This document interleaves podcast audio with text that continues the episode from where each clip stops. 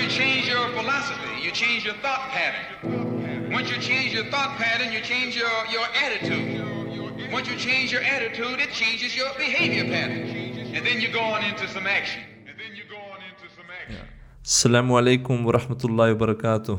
Broeders en zusters, welkom bij wederom een podcast. En natuurlijk hebben wij hele interessante onderwerpen, maar voor interessante onderwerpen hebben wij experts nodig. Hebben we interessante gasten nodig. En ik heb vandaag niemand minder, de living legend, 070, geboren en getogen. Nee, nee.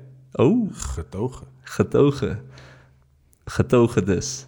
Geboren in Mogadishu. Oeh. Ja, jongen. Noor, Ikar. Ja. Ehm, broer, goed om jou te zien. Bedankt dat je bent gekomen. Bedankt voor de uitnodiging. Eh, het is een eer. Eh, en de reden waarom het voor mij een eer is... eh, we hebben een paar keer met elkaar geconverseerd over bijna van alles en nog wat. Hip-hop, comedy, politiek. Hoe is het om vader te zijn? Ondernemerschap. En heel veel andere issues over de gemeenschap. Maar wat voor mij echt naar voren kwam... waarvan ik dacht van... Yo man, Noor is de real one. Is gewoon, je bent gewoon puur. Als je ergens niet mee eens bent, geef je het aan. Als je zegt, als je denkt van... hé, hey, die andere broeder heeft daar wel een punt in... accepteer je dat ook. En dus die zelfkritiek is heel erg belangrijk. En vooral in deze podcast is het heel erg belangrijk... dat wij mensen naar voren brengen... die die puurheid ook in zich hebben... en gewoon open staan voor andermans mening... en gewoon duidelijk aangeven wat ze willen. Dus daarom, ik ben echt blij dat je hier bent, bro. Ja, dankjewel, man. Dus mijn keuze is duidelijk waarom ik jou heb uitgekozen. Dankjewel, dankjewel. Nee, it's my, it's my pleasure. Ja. Eh, Waarom is jouw keuze? Eh, eigenlijk, waar is jouw Ja. keuze op gebaseerd om een podcast samen met mij te doen? Ik heb een paar keer afgesproken met jou. En Ja. dan hadden we een insteek om even één uur te praten. En dan eh, zitten we te praten tot twaalf uur. Ja.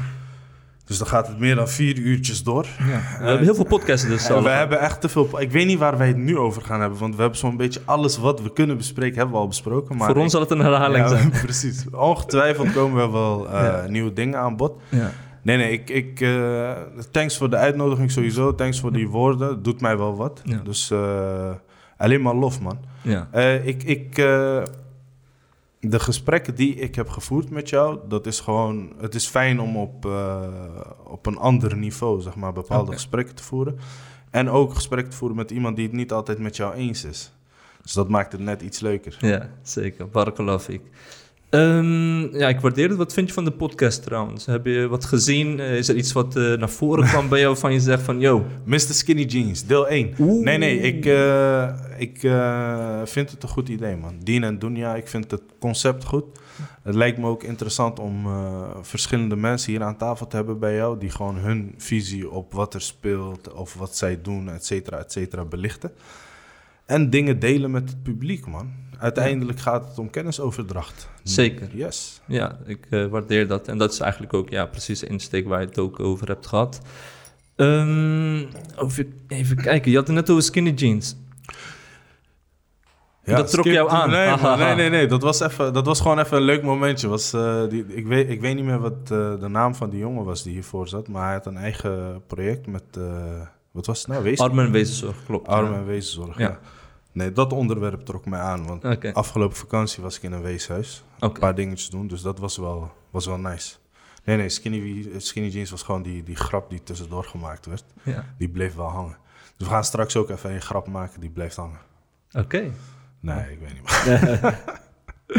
Nou, heb je wat gehoord over skinny jeans, over de skinny jeans opmerkingen? Ja, ja, die dislike van jullie. Ik denk dat ik weet, want jullie hadden gezegd dat er één dislike was. Ik denk dat ik weet wie het is. Ik ga zijn naam niet droppen, maar in welke camera moet ik kijken? Ali, volgens mij ben jij het, bro. Oeh, die naam is gedropt.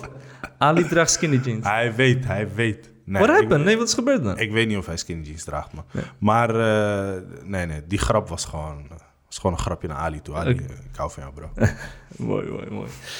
Ehm, een van de redenen waarom ik je ook heb uitgenodigd is, eh, ik volg je op Facebook. Ik eh, zie een paar dingen voorbij komen. Eh, waaronder een, ja, noem- eh, kan ik het een project noemen? Kan ik het een beweging noemen? Noor Vandaag. Ja, ja, ja, ja. Wie, wat is Noor Vandaag? Ik ben inmiddels bijna twee jaar geleden ben ik politiek actief geworden. En ik kwam in een wereldje terecht waarbij ik zag dat de mensen die ik denk te vertegenwoordigen, dat die niet echt betrokken zijn bij het proces. Dat die niet betrokken zijn bij wat er gebeurt. Eh, ze zijn niet aanwezig bij belangrijke vergaderingen. Dus een grote groep eh, is niet bewust van wat er speelt in een ruimte waar alles voor hun beslist wordt. Dus op een gegeven moment dacht ik, oké, is goed. Ik moet op een laagdrempelige manier wat ik meemaak met de mensen die daar interesse in hebben, delen. En zo was uh, Noor vandaag geboren. Het was, kijk, bij, bij, in de politiek is het zo dat als er verkiezingen zijn, dan zijn mensen zichtbaar. Als verkiezingen zijn, hebben mensen stemmen nodig. Dus opeens zie je allemaal mensen die uh, de wereld aan je gaan beloven. We gaan dit voor je doen en dit ontbreekt. En er, er wordt een vraag en aanbod gecreëerd, et cetera, et cetera. En dan is het stil. Dus bij mij was het meer van hoe kan ik die stilte doorbreken? Want uiteindelijk, oké, mensen zijn gekozen en nu moeten ze aan het werk. Hoe kunnen we aan de mensen op een eerlijke manier laten zien: dit is wat er speelt, dit is waar je bewust moet van zijn en dit is waar je rekening mee moet houden. Ja, toen dacht ik: oké, beste output is uh, Facebook, voor zover ik weet. Inmiddels uh, hoorde ik ook van mensen dat ik Instagram moet gebruiken en TikTok, et cetera, et cetera. Het is voor mij ook wennen, maar het is gewoon echt informatieoverdracht. Dit is wat er speelt, dit is wat er gebeurt. Hier is de awareness. Oké. En welke topics uh, heeft Noor vandaag, of jij als Noor zijnde, allemaal geraakt? En uh, van die topics, welke wil je eigenlijk uh, belichten? Waarvan je denkt van oké, okay, ja, het kan heel breed zijn namelijk. Hè, van, ja, okay. kijk, het is, het is ook echt super breed. Als je, als je gaat kijken naar de onderwerpen die we aangepakt hebben of waar we mee bezig waren, kan je denken aan het openbaar vervoer. Mm -hmm. autogebruik in Den Haag. Dus we willen bijvoorbeeld dat mensen minder van de auto gebruik maken. Maar uh, het OV is wel duur. En het OV wordt wel duurder. Dus dan heb je een bepaalde groep die niet voldoende geld uh, heeft, die ook van A naar B moet. Die zijn we eigenlijk aan het pesten. Want één, we willen niet dat ze van een auto gebruik maken, omdat parkeren gewoon belachelijk duur is. Kijk maar waar we nu zijn. Ja. We kunnen hier niet parkeren. Um, en het tweede is, alsmaar duurder wordend OV gaat ervoor zorgen dat die mensen hun huis niet uitkomen. Ze kunnen nergens naartoe. Alles wordt duurder. Kijk, dat is wel een hele uh, extreme geval. Ze kunnen niet ergens naartoe. Maar het klopt wel. Het werkt eenzaamheid in de hand. Uh, een concreet iets wat, we, wat ik gedaan had, uh, samen met mijn collega's, is dat we een, een, een verzoek hebben neergelegd bij de gemeente om te onderzoeken in hoeverre wij minima, dus mensen met een minimaal inkomen, op een of andere manier kunnen ondersteunen met een fonds of wat dan ook, om die OV-tarieven te verlagen. Dus dat die starttarief omlaag gaat. Dat ze gewoon goedkoper kunnen reizen. Dat is een concreet iets. Ander concreet punt waar ik mee bezig ben geweest is uh, thema politie. En dan met name het HEIT. Dat is uh, Haags Economisch Interventieteam. Bedrijven um, die worden dan binnengevallen door de politie, douane, belastingdienst, et cetera, et cetera.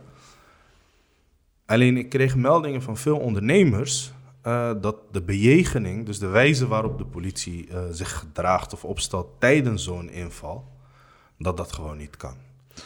Dat dat niet netjes is. Uh, de, de, de behandeling van die mensen, de klanten, et cetera, et cetera.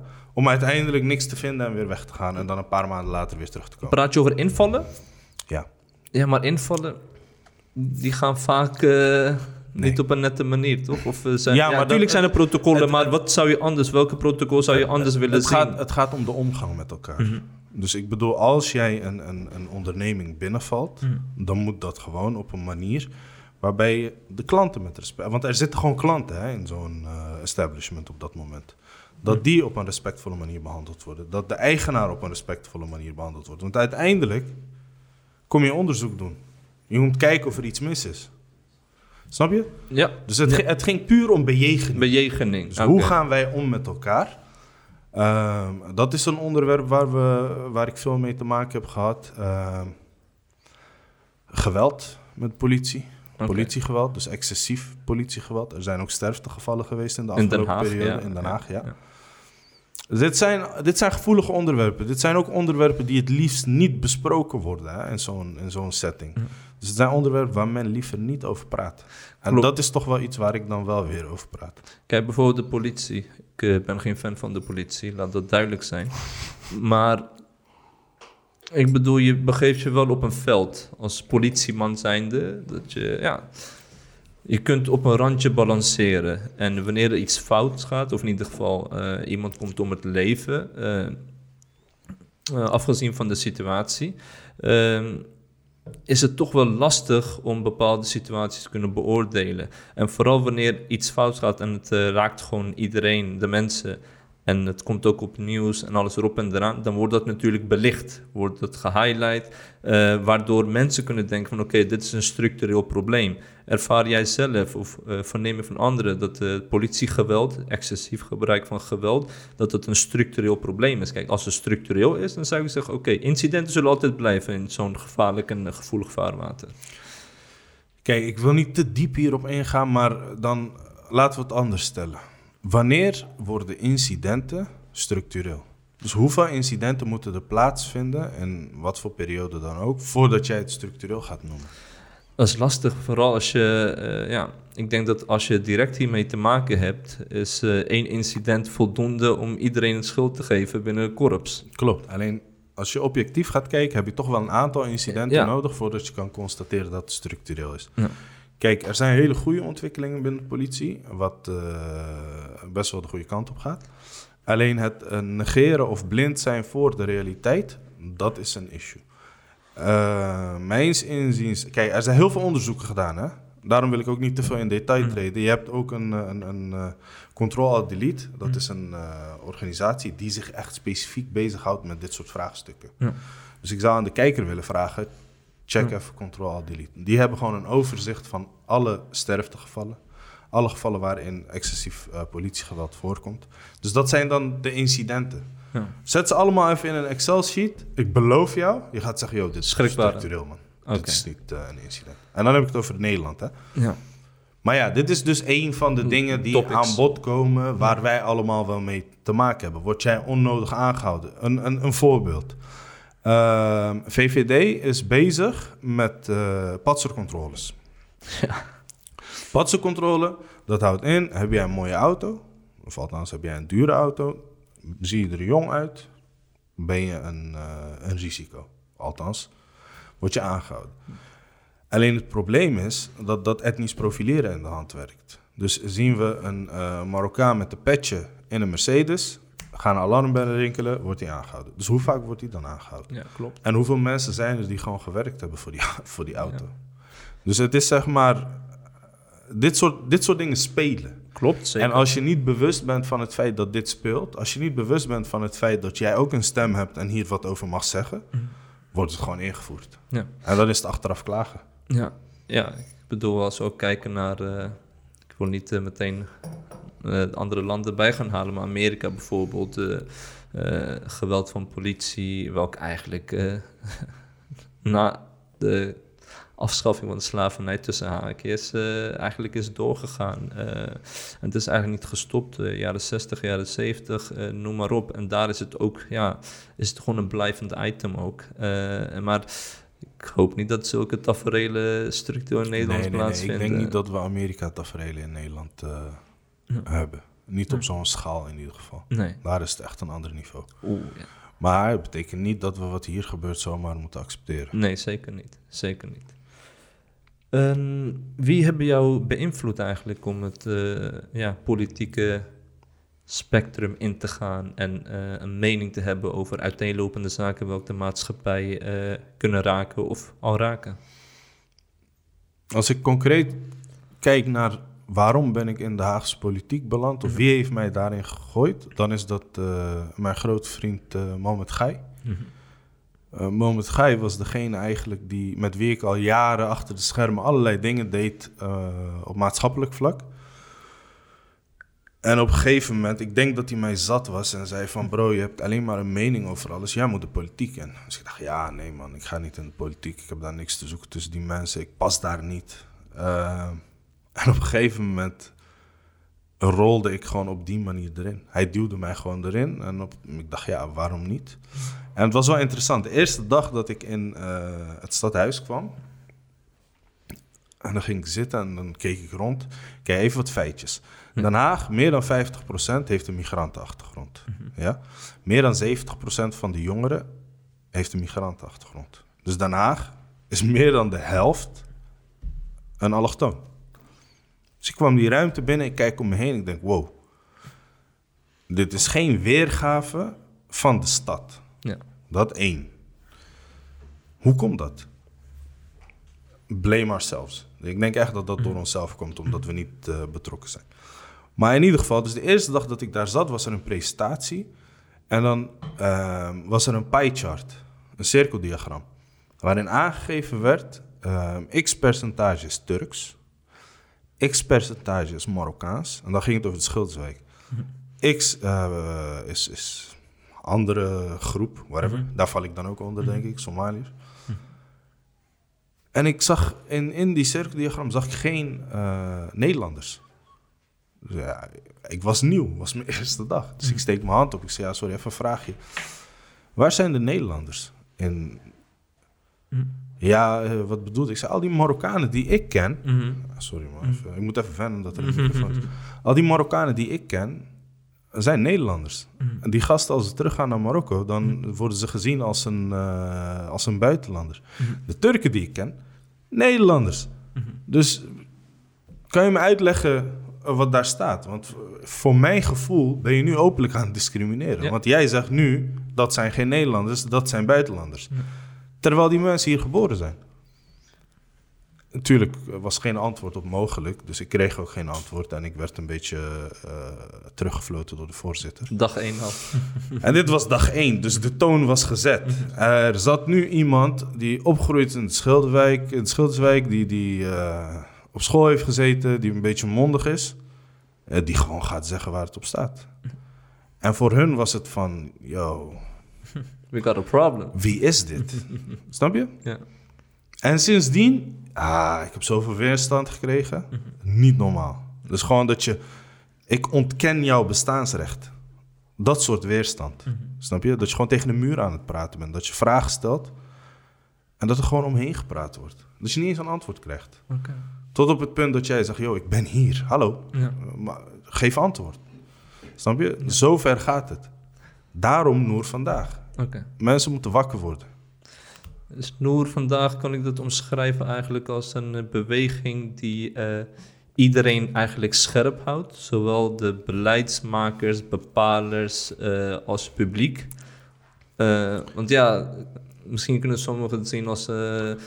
een, ja, het is één individu die aangeeft Noor vandaag en dat we een bepaalde ja, opstand moeten tonen. Of dat er eigenlijk de tegenpartij zijn. Kijk, ik ben, ik, ben, ik ben geen Malcolm X of zo. Ik ben geen, eh, ik ben geen Martin Luther King. Maar hoe je het omschreef was wel goed. Het moet mensen scherp houden. Ja. Beleidsmakers, et cetera, niet zozeer. Want ik heb geleerd dat ze doen wat ze doen.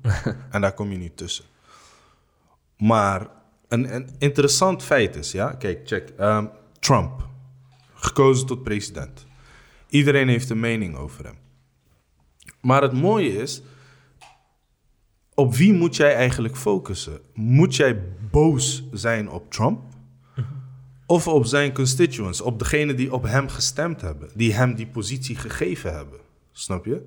Uiteindelijk is hij gewoon een spreekbuis voor de mensen die hem die positie gegeven hebben. Fact.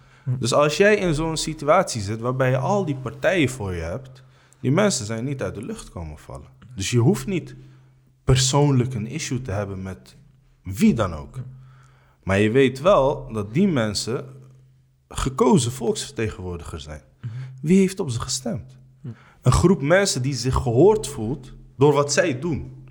En de, de mensen die ik ken, mijn omgeving, jij, iedereen die om mij heen zit, die worden niet vertegenwoordigd. Snap je? Dus die Noor vandaag is het scherp houden van die mensen die daar niemand hebben. Eh, je noemt, noemt ook een grote naam, Malcolm X. Eh, doen we ook hierbij een belofte dat we ook een eh, Malcolm X special samen gaan houden? Dan kom ik als red binnen. Oh. Ik laat mijn haren staan, dan ga ik red? styleren zo. En dan ga ik zo... Nee, nee, natuurlijk niet. Maar, Ik kies liever voor Red dat hij dan, dan dat hij toen bij Nation of Islam zat. eh. Oeh. Ja. We zullen samen van de laatste zes maanden doen. Oeh. Is goed, we gaan De laatste doen. zes maanden. Ja, ja, ja. Sunni. ja, ja, ja, ja. Dus Wanneer- belofte? Ja, is cool. Malcolm X en Ali. Ali.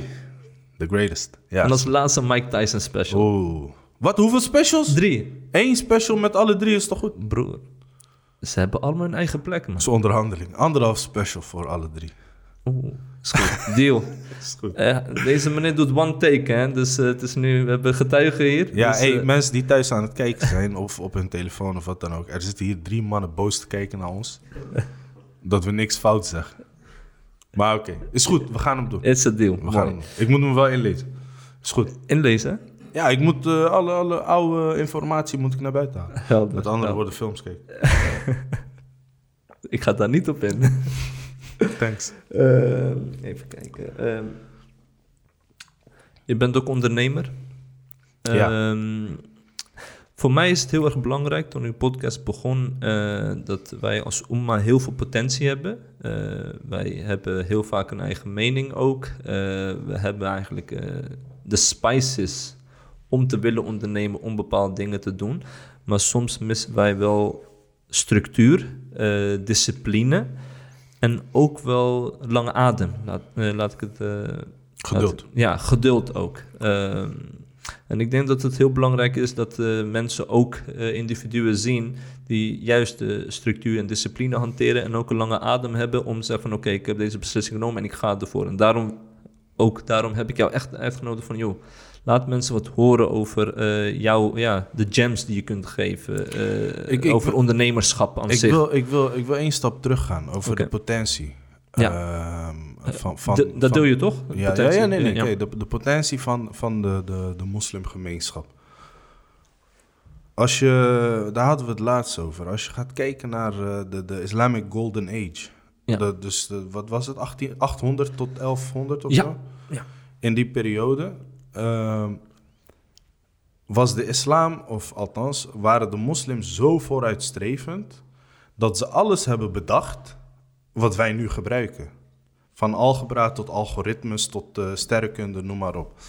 En dan een mooi voorbeeld was van eh, Neil deGrasse Tyson, waar ik het laatst over had. Dat is dus zo'n astrophysicist die een inkijk geeft in hoe het heelal werkt, hoe het universum werkt. Dus die had een lezing waarin die aangaf: oké, check dit lijstje, dit zijn allemaal sterren. En al die sterren hadden Arabische namen. En dan is van, oké, hoe kan dat? Waarom hebben al deze sterren Arabische namen? Want wij zijn toch de pro's? Maar hij was daar heel open en eerlijk over. Dat kwam van de islam. Dus de islam heeft een tijdperk gekend waarbij ze ehm, gewoon, als je, als je diep gaat, de telefoon die jij gebruikt, hoe die tot stand is gekomen, hoe die gemaakt is, de laptop die jij gebruikt, het feit dat je in een vliegtuig kan stappen en kan vliegen, of eh, de, de ruimte in kan. Al die technologie, de basis daarvan komt van die Islamic Golden Age. Dan is de vraag, 300 jaar later stopt het. Dat was volgens mij de tijdperk dat Genghis Khan in het spel kwam. Dan stopt het. Dus wat zou er gebeurd zijn als het niet zou stoppen bij 300 jaar? Wat zou er gebeurd zijn als die Islamic Golden Age doorging tot aan nu? Dus dat die great thinkers verder konden gaan met die ontwikkeling. Ongekend. Want daarna ging de ontwikkeling stapsgewijs, stapvoets, ging het verder. Snap je? Maar die great thinkers, die vielen af.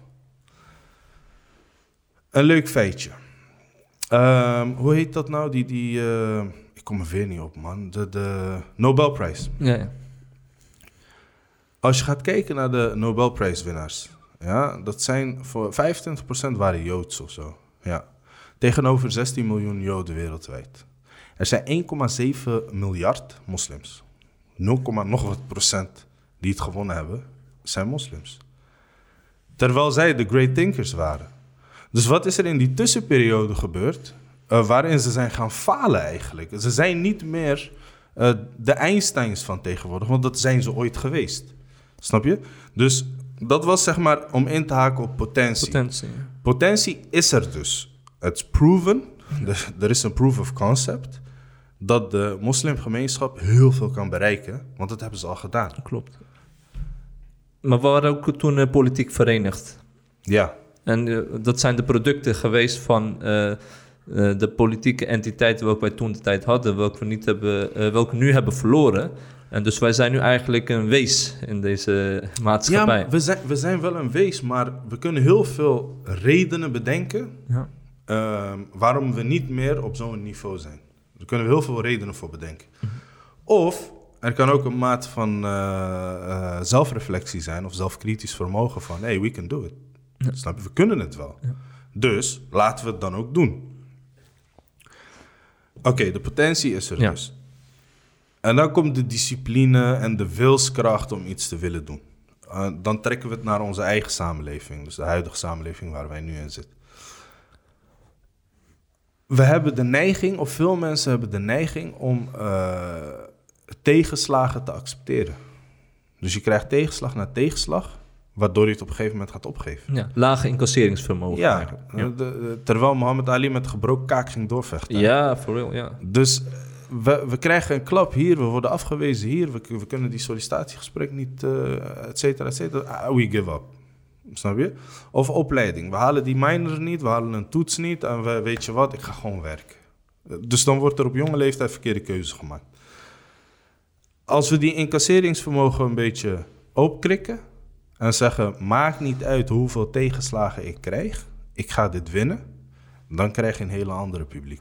Heeft het ook niet te maken met eh, het ouderlijk huis, eh, waarin men ook opgroeit en de Tuurlijk. omgeving? Tuurlijk. Want als je, ik zeg niet dat je volledige liefde moet krijgen, enkel of gesteund moet worden, maar als er geen guidance is, eh, en ik zeg niet, het is geen eh, shots fired eh, aan de parents van ons, alhamdulillah, ze hebben gewoon hun werk gedaan wat ze moesten doen.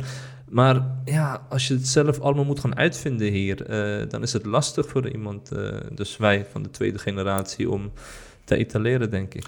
Dit gaat diep. Dit is per, per gemeenschap is dit anders. Want Ja. je hebt een, een, ik ben zelf een politiek vluchteling, dus ik heb hoogopgeleide ouders. Die hebben een andere invalshoek van opvoeding. Uh, Pakistan is een ander, ander verhaal. Marokkaan is weer een ander verhaal. Zijn eh, gastarbeiders geweest, et cetera. En de meeste ouders waren niet hoog opgeleid, waren zelfs analfabeet of wat dan ook. Dus dat is een hele andere eh, invalshoek. Turken, eh, idem dito, is ook een andere situatie. Dus als je Ja. al die verschillende elementen bij elkaar gaat zetten, ja, dan heb je factor ouders, je hebt factor school, je hebt factor straat, eh, factor vrienden. Mijn vader zei vroeger altijd: Als ik wil weten wie jij bent, moet ik alleen jouw vrienden kennen. Ja. Dus één dagje met je vrienden, dan weet ik wie mijn zoon is. Snap je? En dat geldt eigenlijk voor iedereen. Als je mij wil kennen, ga met mijn vrienden chillen en dan kom je erachter. Nee, nee, nee. Slechte jongen. Nee. Ja. Maar er zijn dus heel veel factoren wat impact hebben op Structuur, eh, discipline Juist, op het eindresultaat. Ja. Maar uiteindelijk draait alles om die wilskracht. Ik bedoel, als je gaat kijken naar al die succesverhalen van... eh, en dan heb ik het niet per se over moslims. Hè, gewoon eh, succesverhalen in het algemeen. Mensen die het gemaakt hebben. Die hadden gewoon een doel voor ogen. Hadden een doel opgeschreven. Hier wil ik naartoe. Ja. En dan is het, eh, hoe kom ik daar? Ja. Stap 1, stap 2, stap 3, stap 4. En dan is het vallen, opstaan, vallen, opstaan, vallen, opstaan. Ja. En alle stappen volgen totdat het einddoel bereikt is. Dan hangt het van jou als persoon af, zeg maar. Hoe graag wil je het? Ja. Een, een, een goede vriend van mij, Pakistaanse jongen. Vroeger, altijd was hij wel bezig met iets. Ze, we hadden een keer een koffieapparaat geregeld, eh, cappuccino, dat zo'n hele grote koffiemachine. Studio equipment. Hij was altijd bezig met iets. Totdat hij op het punt kwam dat hij gewoon nu een eigen fabriek heeft in Pakistan, een eigen fabriek in Nederland en in die eh, eh, drukpers-business zit. En het mooie is, kijk, je ziet, hij heeft eh, grote stappen gezet, hij is ver gekomen. Maar ik heb het proces meegemaakt van kinds af aan, van wat deze gast allemaal deed. Ja. En soms zaten we daar met z'n allen en dachten van, joh, begint hij weer? Heeft hij weer iets? Snap je? Er zijn zoveel ideeën waren gefaald, maar hij bleef vasthouden. Waardoor we allemaal dachten, deze gast gaat het maken. Hoe dan ook, hij gaat het Hij maken. had de mentaliteit. Hij had die mindset. Never say gewoon. die, Ja. ja. hij had gewoon die mindset. ik probeer alles, ik faal. En hij is gefaald, hè. Gefaald, gevallen, opgestaan, gevallen, opgestaan. Maar hij had gewoon die drive van, oké, ik moet het maken. En dan op jonge leeftijd heeft hij doet gewoon wat ik nu omschrijf. Snap je? Op jonge leeftijd heeft hij het gewoon gehaald. En dat heeft puur te maken met zijn wilskracht. Hij is geen eh, Einstein of wat dan ook. Het is gewoon een jongen die eh, netjes het ding heeft gedaan op school. Maar die wilskracht heeft hem gebracht waar hij is. Dus waar is die wilskracht bij de mensen die iets willen bereiken? Als ondernemer, ja. Ja. Eh, je hebt ook natuurlijk helaas ook broeders die ondernemen, of zusters die ondernemen voor, voor mijn part. Die wel structuur, discipline, drive, lange adem, noem alle woorden die eigenlijk empowered zijn, noem ze maar op. Eh, maar dat het wel ten koste kan gaan van hun islamitische verplichtingen of denken en doen. Ja, die is interessant, man. Dat heeft, eh, los van ondernemerschap, dat maak je ook in, je, Ja. eh, in, je, in de arbeidsmarkt mee. Ja. Dus als je, je bent afgestudeerd, je moet werk vinden en je gaat ergens werken. En dat traject wil je doorgroeien, dus je komt steeds Ja. eh, bovenaan de ladder. En eh, dan is de vraag, één, hoe hoog wil je komen? Ja. En hoeveel van je identiteit wil je afstaan? Dus je hebt altijd mensen die hun identiteit kunnen vasthouden en dan zo ver mogelijk komen. Maar je hebt ook een hele grote groep die hun identiteit moeten inleveren om die stappen te maken. Ja, dat is interessant, man. Ja, want je hebt ook natuurlijk eh, een interessante carrière ook gehad voordat je politiek eh, Ja. inging. Ehm, je hebt ook dingen gezien. Eh, Kijk, een van de, de, de redenen waarom ik ehm, in de politiek eh, actief werd, was ook door wat ik zag in de arbeidsmarkt. Ja. Hoe hoger je kwam, hoe witter het werd. Ja. Snap je?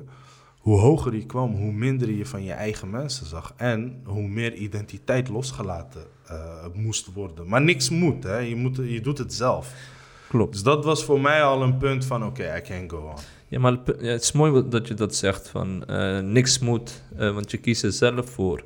Maar juist zulke individuen of hun ouders, die geven zelf ook aan van ja, ze moet wel vanwege werk. Dus dan wordt de prioriteit aan ondernemen en werk geven om een bepaald doel te realiseren. En dan wordt het gerechtvaardigd van ja, maar ze doen ook iets goeds en daardoor moeten ze dit even laten of het past niet.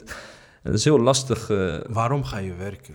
Dat is de vraag die je moet stellen. Waarom ga je werken? Waarom ga je ondernemen? Dat, dit haakt aan op. eh, mensen willen geld verdienen. doekoe, ja. Dus we willen allemaal geld verdienen. We willen allemaal mooiste dingen kunnen kopen, et cetera, et cetera. Maar hoe belangrijk is geld voor jou? Hoe vaak ben jij in aanraking gekomen met de dood? Dus dat jij iemand hebt zien sterven waarbij je salat janaza hebt eh, moeten verrichten. Of, ja, die persoon had niks bij zich. Ja. Had zijn portemonnee niet bij zich, had zijn geld niet bij zich. Die gaat solo, je weet toch? Die is weg.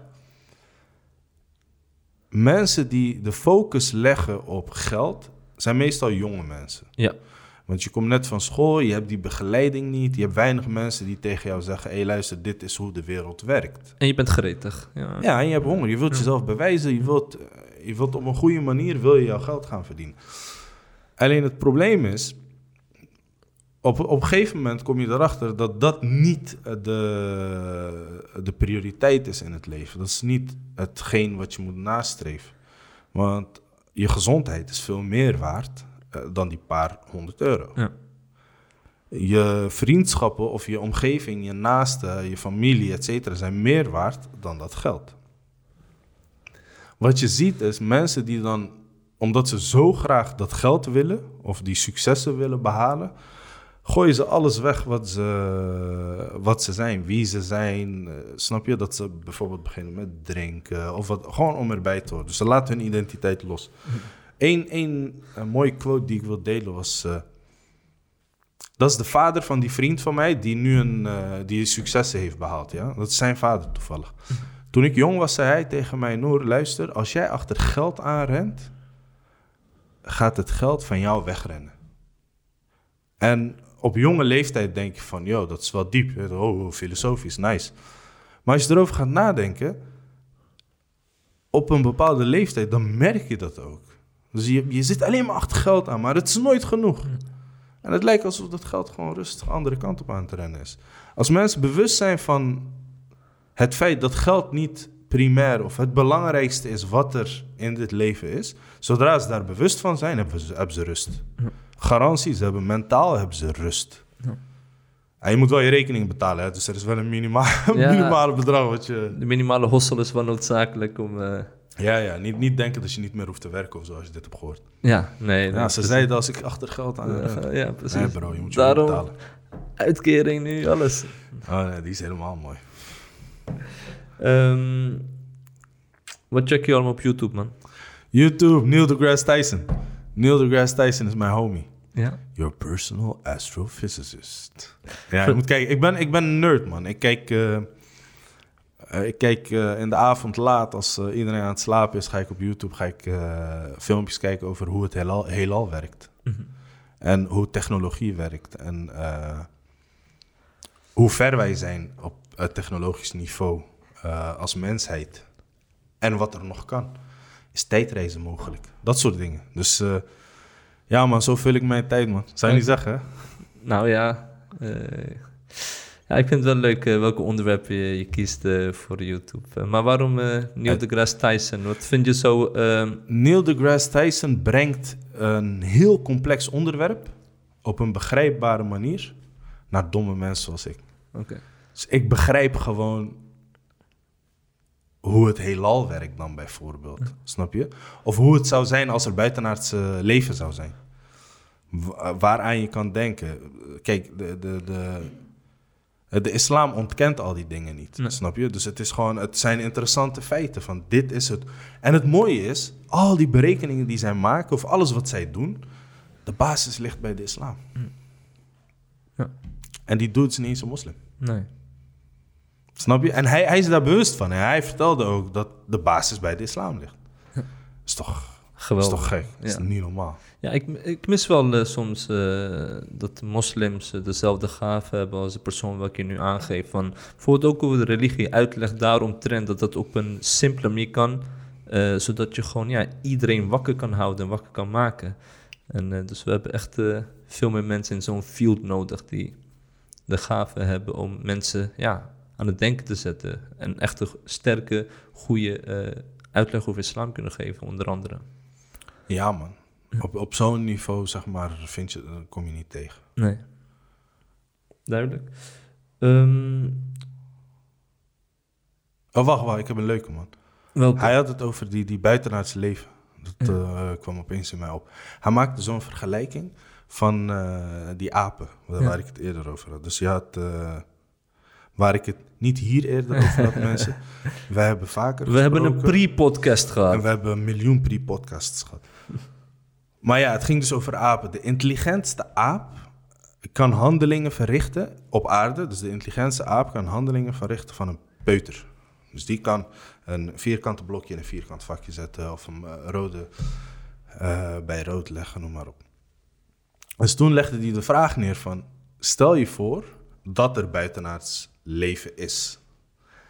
En omdat, het ruimte zo, omdat de ruimte zeg maar, zo complex is, ook zeg maar, hoe je moet reizen eh, met lichtjaren, et cetera, et cetera. Omdat dat allemaal zo complex is, stel je voor dus dat er buitenaards leven is en dat de slimste persoon op aarde hetzelfde is als een peuter van dat buitenaardse leven. Dus dat je gewoon die vergelijking treft. Van hier, slimste aap is een peuter van ons.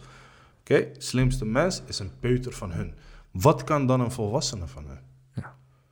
Hoe ver gaat het denkvermogen? Want we weten sowieso, wij gebruiken niet de full potential van onze hersenen. Dat gebruiken wij niet. Dus hoe ver gaat dan het denkvermogen van zo'n buitenaards leven? Ik dacht van, joh, dat is heavy, man. Oké, dat moest ik even delen. Dat Dat, is- dat is delen. gewoon even, daar moet je even over nadenken. Ja, dat is gewoon, moet je even over nadenken. Hoe slim is die dan? En hoe dom zijn wij dan? Over educatie gesproken, een kleine sprongetje. Islamitisch onderwijs. Hot item, al een tijdje. Eh, ja, ja. Jij bent er ook wel bezig mee om... eh, ja, je, je komt in aanraking met het eh, onderwerp. Ehm, wat wil je daarover kwijt? Wat, wat is de status-update in Nederland hieromtrent volgens jou? Ja, de, je, had, je had het Haga Lyceum in Amsterdam, toch? Dat heb ik een beetje op de achtergrond gevolgd. Ja. Die heeft iets van 40 recht, rechtszaken tegen zich gehad. Ze hebben allemaal gewonnen. Mhm. Dus dan ga je je afvragen, waarom komen die rechtszaken dan? Ja. Maar islamitisch onderwijs, ik denk dat het breder is. Alles wat islamitisch is, is gewoon een hot item. En dat is eh, op, op globaal niveau is dat. Islamofobie leeft. En alles wat moslim of islamitisch is, is gewoon schijnbaar eng of, eh, of iets waar we rekening mee moeten houden. Of het is anders of whatever. Maar ondertussen gaan we wel allemaal lekker op vakantie naar islamitische landen als Turkije, snap je? Dus het is, het is ja. Ik zou zeggen, hou, wees bewust van wat er gebeurt, Ja. maar hou je daar niet te veel mee bezig. Want als je daar te veel mee bezig houdt, en dat is gewoon voor de algemene eh, persoon. Als je daar te veel mee bezig houdt, ga je de belangrijke dingen eh, achterwege laten of vergeten. Snap je? Ehm, maar het zijn wel politieke onderwerpen. Oh ja, ik hou me er wel mee bezig als Ja. dat eh, aan bod komt. Ja. Ehm, maar vind je niet dat iedereen daar zich toch wel bezig mee moet houden... een mening zou moeten geven? Want dat was juist jouw drijfveer geweest. Nee, kijk, het is in, in Den Haag Ja. is het oké. Ja. In Den Haag is het oké. Ja. Eh, alle, alle focus lag op Haga Lyceum in Amsterdam. En die school was gewoon... eh, ze, voor mijn gevoel werden ze gewoon gepest door de overheid. Maar ik, ik hou me echt bezig met lokaal, lokale vraagstukken. Ja. Dus echt dingen wat Den Haag aangaan en wat ons aangaan. En als dit onderwerp dan hoog op de agenda komt... ja, dan ben ik de eerste die daar wat van zegt. Ja. Snap je? Want dat is toch wel mijn gemeenschap. Ja, en in Den Haag speelt er wat over islamitisch onderwijs. Hoe zie je trouwens islamitisch onderwijs als product? Het Eh, groeit. dat-. Eh, het islamitisch onderwijs is noodzaak. Omdat eh, de bevolkingssamenstelling verandert hè, door de jaren heen. En er, er ontstaat meer vraag. En uiteindelijk draait alles op vraag en aanbod. Als er meer vraag is voor islamitisch onderwijs, Nederlandse, eh, Nederlandse rechtsstaat, en die staat dat toe. Snap je? Dus als er vraag is, dan moet er aanbod zijn. Dus als er een groei nodig is om aan die vraag te voldoen, Mooi. ik sta eh, in de eerste rij. Oh, inshallah, frontlinie. Ja, sowieso. Ehm, wat heb je allemaal van je vader geleerd? Ja, mijn vader, ja, dat is mij. Vroeger vroegen ze, wie is jouw idool? En ik speelde basketbal, toch? Dus dan zeiden mensen, ja, Michael Jordan of eh Scottie Pippen. Nee, die zijn niemand. Maar... Hey, eh, Chicago Bulls, man, kom op. Ja, ja, Scottie nee, Pippen. nee. Of stel je voor dat Dennis Rodman jouw idool was. Oh, dan ja. ben je helemaal verknipt, joh. Maar in ieder jeans, geval... Skinny me- jeans dingen. Mensen zeiden van wie is jouw idool? En bij mij was altijd mijn vader is mijn idool. Dat was voor mij, als ik naar iemand opkijk die mij dingen heeft bijgebracht, zeg maar. Ik heb niks van Michael Jackson geleerd. Ik kan nog, ik kan nog steeds de moonwalk niet. Nee? Nee man, we gaan straks proberen. maar eh, voor mij was het aan wie heb ik echt wat gehad, snap je? Wie heeft mij echt diepe dingen geleerd? Ja, dat was mijn pa. Een van de leuke dingen die ik geleerd had was eh, tijd wacht niet op jou. Dus ik, was, eh, ik deed een beetje langzaam met mijn studie. En toen zei hij tegen mij, hey Noor, tijd wacht niet op jou hè. Het is zo simpel, het is zo basic. Het is gewoon logisch, ja, de. Ja. Klok klikt. Klik, tik door, ja. tik door. Ja. eh. Het is geen rocket science. Maar, Maar die bewustwording van het feit dat tijd niet op jou wacht. en je moet moves maken. En je moet stappen zetten. Want you never know. Je weet toch, wanneer ben je er niet meer? Of eh, hoe lang blijft die kans bestaan? Die, die, die was goed, man. Die was echt Die diep. was een life changer. Tijd wacht niet op jou. Toen Ja, dacht je van, oké, nu moet ik eh, wat gaan doen. En mijn maatschappelijke betrokkenheid kwam van hem. Oké. Hij was heel maatschappelijk betrokken. Nog steeds is hij dat. Ehm, altijd klaarstaan voor andere mensen. Dingen doen voor andere mensen. Dat was toch wel de drijfveer. Thanks man. Kijk, kijk, dit moet me wel meegegeven worden. Kijk, ze zien dat ik veel drink. En dan komt er water. En dan doen we zo. Kijk, zo maak je die eh, vibe een beetje. Ga maar verder. Nee, nee, mijn pa was... eh, hij was mijn idool, man. Oh ja, ja, ik heb een goeie. Hij had een keer... eh, dus ik wilde, mij, ik wilde een opscheertje. Ja, Die ik, kennen we. Ik onthoud wel dingen, je weet toch. Hij, ik wilde een opscheertje. Dus ik zei tegen mijn pa, ik ga naar de kapper. Ik was 12 jaar of zo. En toen gaf hij mij, eh, toen zei hij, eh, wat kost het? Ik zei, ja, 10 gulden. En toen zei hij, hier heb je 20 gulden. Ga naar de markt, naar kraam 3. En dan kan je nadat je bij de kapper bent geweest, je oren prikken. dus kijk zo. Wat? Dat was zijn manier van zeggen, gozer, je bent te jong. Je gaat geen opscheertje doen. Snap je? Zo'n diepe... Zo diep, ja. Eindstand ging ik naar de kapper en ben ik niet naar de markt gegaan. 10 gulden ging we terug naar je pa. Ging terug in de pocket. Yo, ja. Ehm, over eh, invloedrijke personen gesproken, zoals je vader. ehm, we hadden het laatst over, eh, over verschillende individuen die eh, hun, hun moves hebben gemaakt of eh, echte community leaders waren. Waarom zouden wij eigenlijk een special moeten gaan houden over Malcolm X, over Muhammad Ali, over Mike Tyson? Eh, Kijk, het interessante wat, van dat soort personen is, wat, wat was hun mindset in de tijd dat zij leefden? En wat zijn de stappen die zij doormaakten om die, die legends te worden die zij zijn, snap je? Want ze werden niet wakker en zeiden van, joh, ik ga een legend worden. Misschien Muhammad Ali wel. Maar de, het proces wat zij doorlopen hebben in echt moeilijke tijden... Kijk, we moeten wel, we moeten wel realistisch blijven. Hè? We hebben het goed hier in Nederland. ja, zeker. Snap je? We hebben het goed hier eh, in Den Haag. Als we het eh, lekker lokaal gaan maken. Vooral als je heel veel reist, dan zie je eigenlijk hoe goed je het hebt. Dus we, we moeten even weg van dat eh, geklaag. Maar los daarvan, als je kijkt naar wat een Malcolm X meemaakte in zo'n moeilijke tijdperk en hoe hij zich daar doorheen worstelde en heel veel mensen met zich meekreeg en een impact had op levens, dat we nog steeds zijn naam noemen. Ah, daar, daar kan je wijze lessen uit trekken, man. En datzelfde geldt voor Muhammad Ali. Wat ik mooi vond van Muhammad Ali was dat hij eh, niet wilde meevechten in de Vietnamoorlog. Dat stukje, dat stukje was voor mij echt eh, dat ik dacht: oké, je bent een man en je bent bereid de gevangenis in te gaan voor jouw standpunten. Ja. Ja. Ja. Hoeveel kom je daarvan tegen tegenwoordig? Klopt. Zeker weten. Maar interessant. Zijn er nog onderwerpen die jij wilt eh, bediscussiëren? Wat jij in je hoofd hebt of iets wat jij nog wilt eh, vermelden? Voor nu, ik, ik, heb, ik heb ook een paar vragen voor jou. Voor mij? Ja. Waren toch in gesprek, was toch geen interview? Oh ja, daar hadden we het trouwens over, hè, laatst. Van, eh, ja, Bilal, was het wordt het een interview of ga je een gesprek met mij voeren? Ik zeg, eigenlijk interview. Hij zegt, ja, dan moet je wel neutraal blijven. Ik zeg, ik kan niet eh Ik kan niet op vertrouwen. Nee, man, I, I gotta spit staan. Ik moet gewoon wat zeggen. Dus, oké.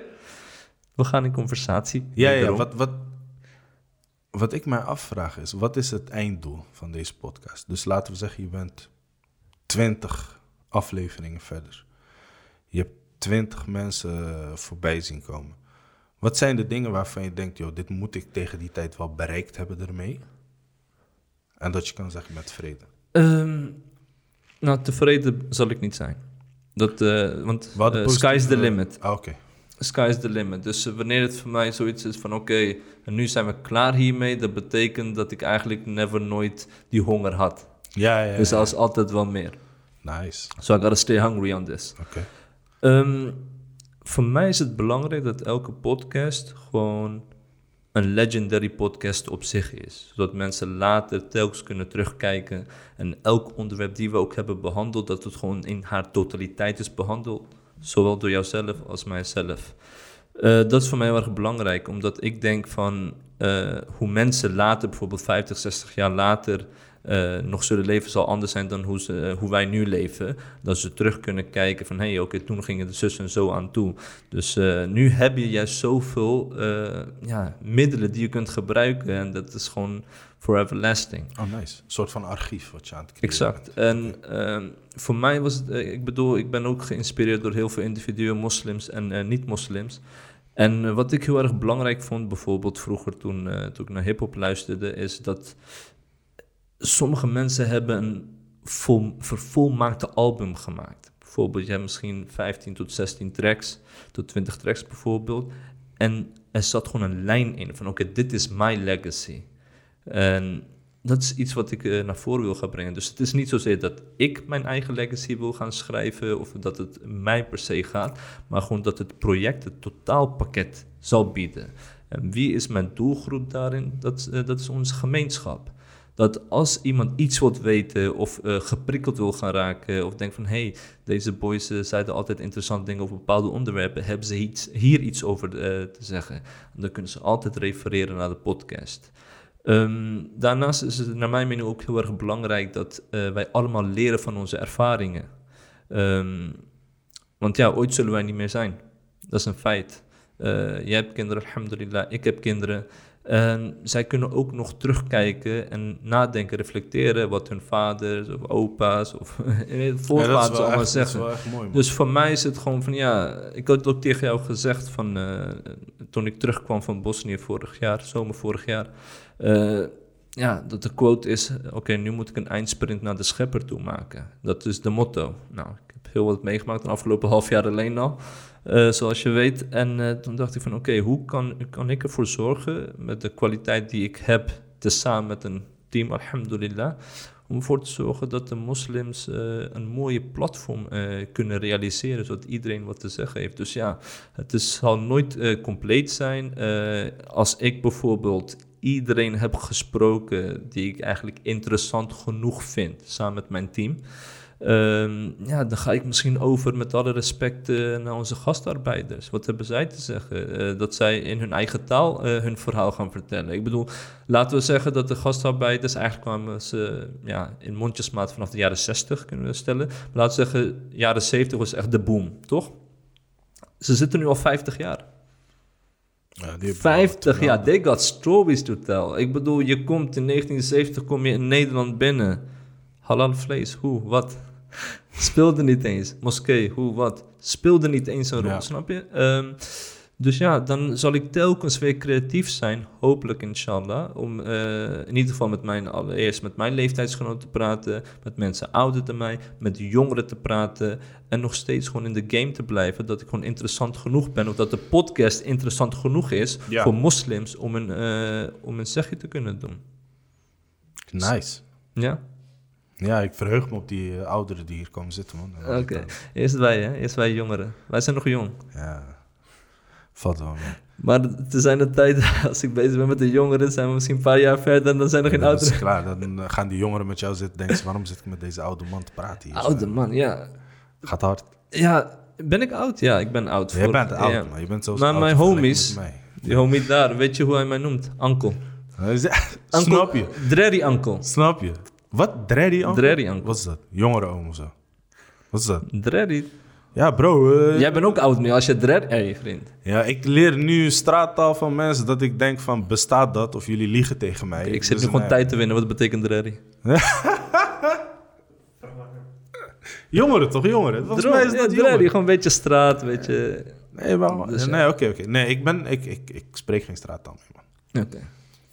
Ik ben nu in een andere fase in mijn leven, weet toch? Fighting on your tongue, cuz. Ik ben 30 gepasseerd.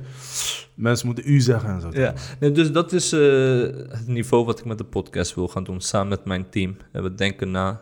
En zolang je gewoon een gepassioneerd team hebt die, die extra maal wilt geven, dan eh, kunnen wij, ja, inshallah goed, successen man. boeken. Dat is Dus, wel netjes. eh, Het gaat maar niet zozeer om de views of de likes, maar het gaat maar Nee, wel nee, om nee. publieke Views en de likes zijn wel belangrijk. Mensen Nee, nee, kijken, eh, je weet toch, liken, delen. Nee, nee, ik weet, ik weet wat Respect. je bedoelt. Ik had, ik had bij, met Noor vandaag, had Ja. ik... eh, dus ik was daarmee begonnen. Ik ging mensen informeren. En toen zeiden vrienden van mij... Hé, hey, luister dan. Ja. Zeg aan het einde van je fil- filmpjes... eh, like en volg mijn pagina. En ik dacht van... Nee man, ik ben te oud voor dat soort dingen. Als je niet wil liken of volgen, dan doe je het niet. Kijk of kijk niet. Interesseert mij niet. Eh, maar ja, maar zo creëer je geen... Fanbase. fanbase. Ja. Je, je, moet, je, moet ze, je moet ze vragen. Klopt. Wil je mij volgen? En ik zat heel lang te struggelen met het idee dat ik tegen iemand moet zeggen... Yo, like mijn post. Ik vind het een beetje, een beetje zielig, snap je? Ik begrijp het ook. Ik ben ook met jou eens. Maar, maar... Maar je bent veranderd. Ik ben veranderd, man. Ja. Mensen moeten liken, mensen moeten volgen. Want in plaats van dat je die dingen als... eh, die, die, die, eh, die rare filmpjes of weet ik veel wat... die nergens over gaan...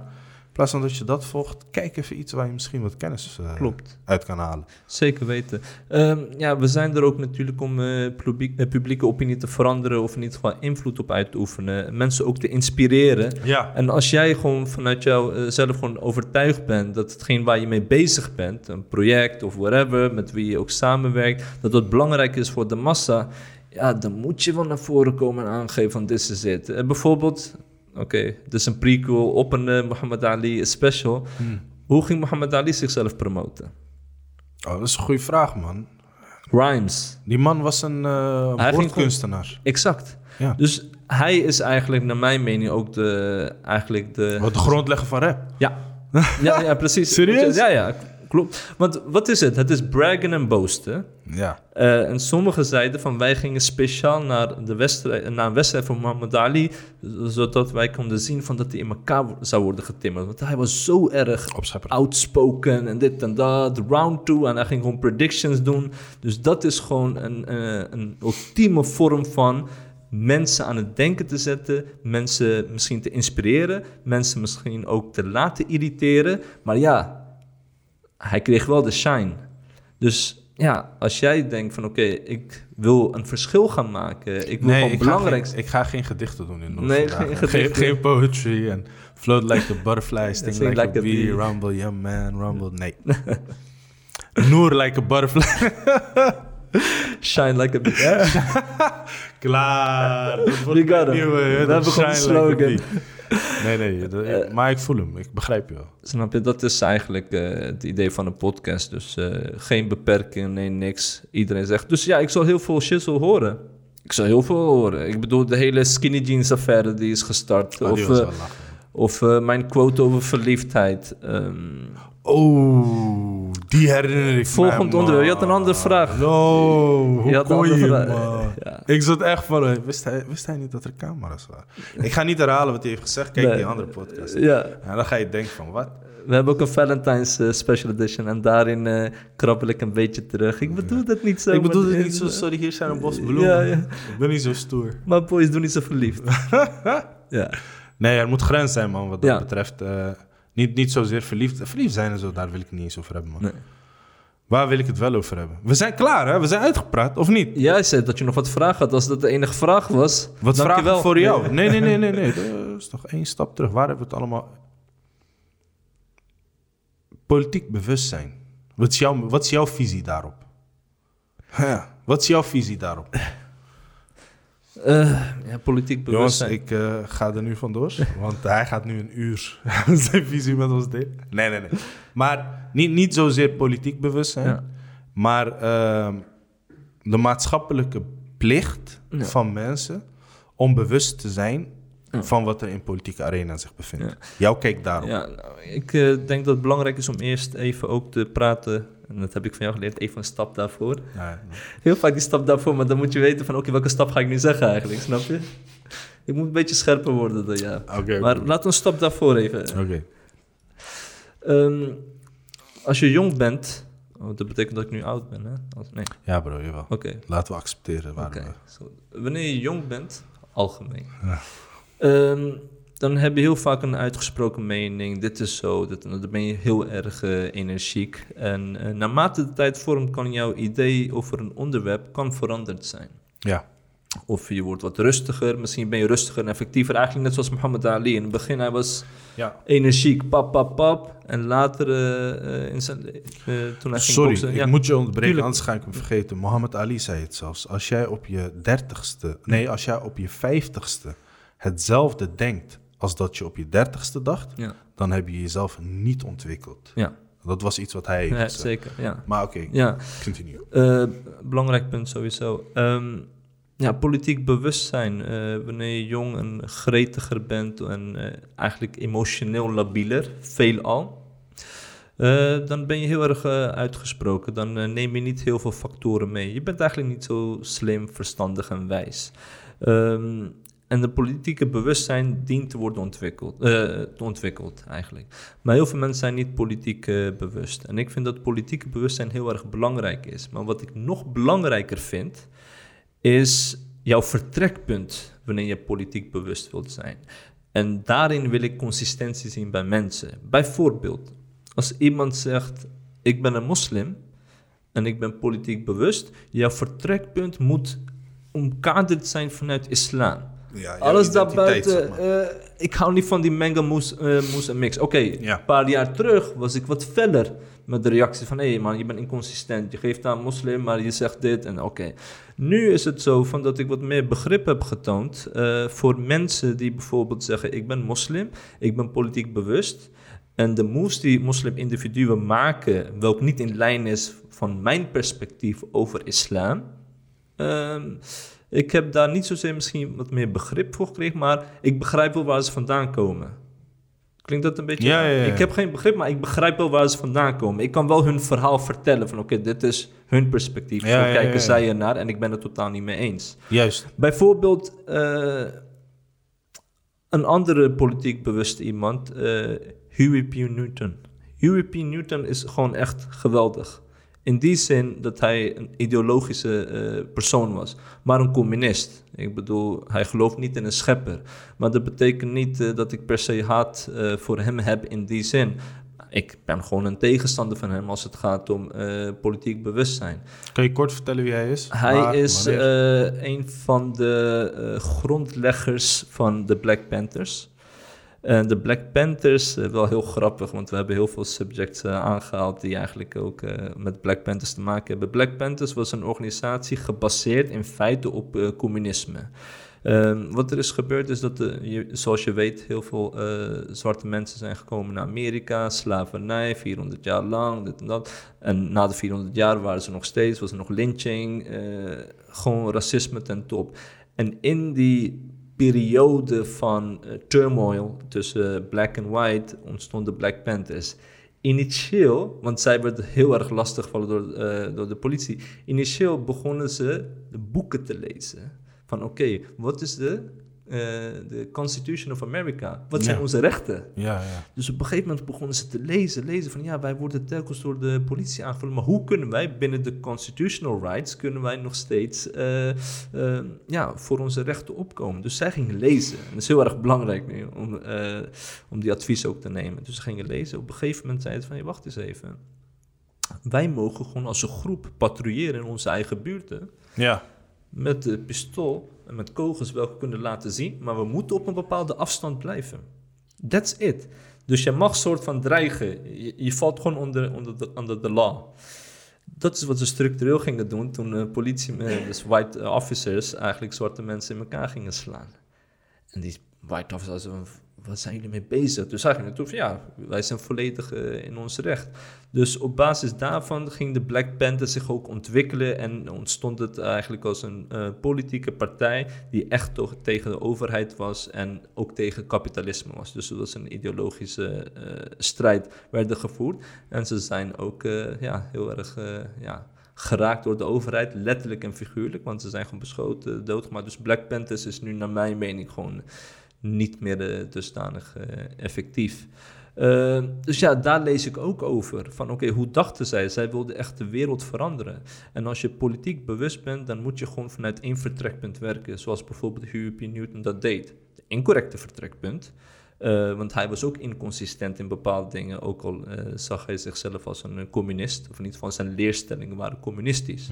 Uh-huh. Um, dus ik heb meer begrip gekregen van mensen die zeggen: Ik ben een moslim, uh, ik ben politiek bewust en ik maak bepaalde moves welke niet overeenkomen met mij.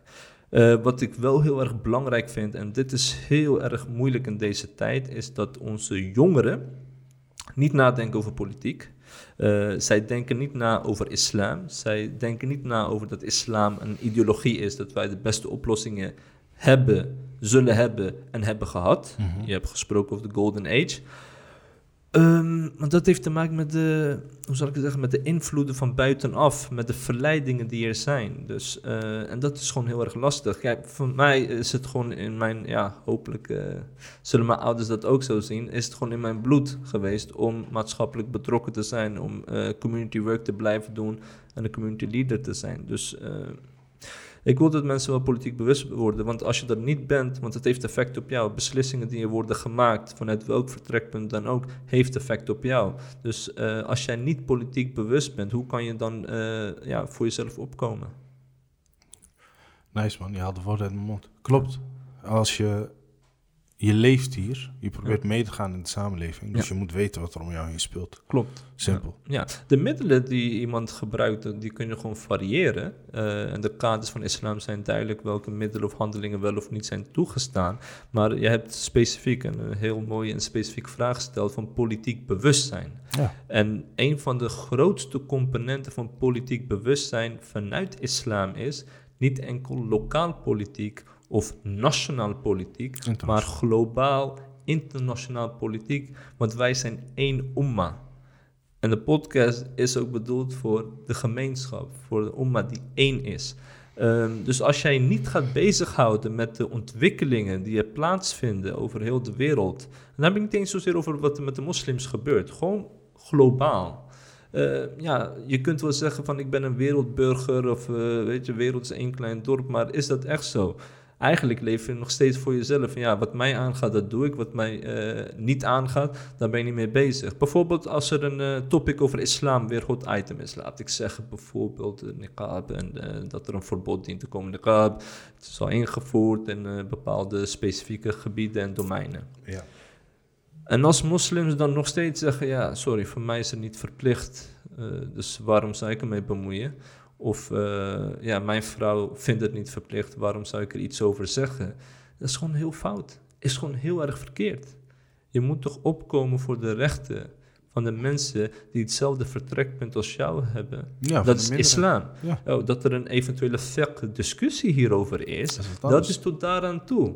But they your people though. Ja, ja, het gaat om de vrijheden van, al is het maar een klein groep, maar Ja. het gaat om de vrijheden van die groep.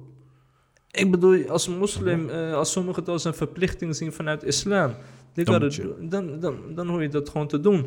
En dat vind ik kwalijk. Dus wanneer er eh, islamitisch sensitieve onderwerpen naar voren komen, dan gaan mensen eerst kijken van oké, raakt het mijn portemonnee? Raakt het mijzelf?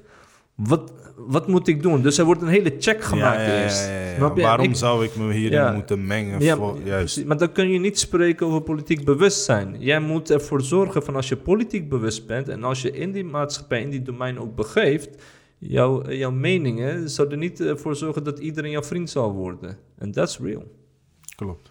Ik denk ook dat je even aanhaken op wat je daarvoor zei over eh, internationaal aspect. Ja, Advies die ik mee zou geven aan jongeren en heel veel mensen is om veel te gaan reizen.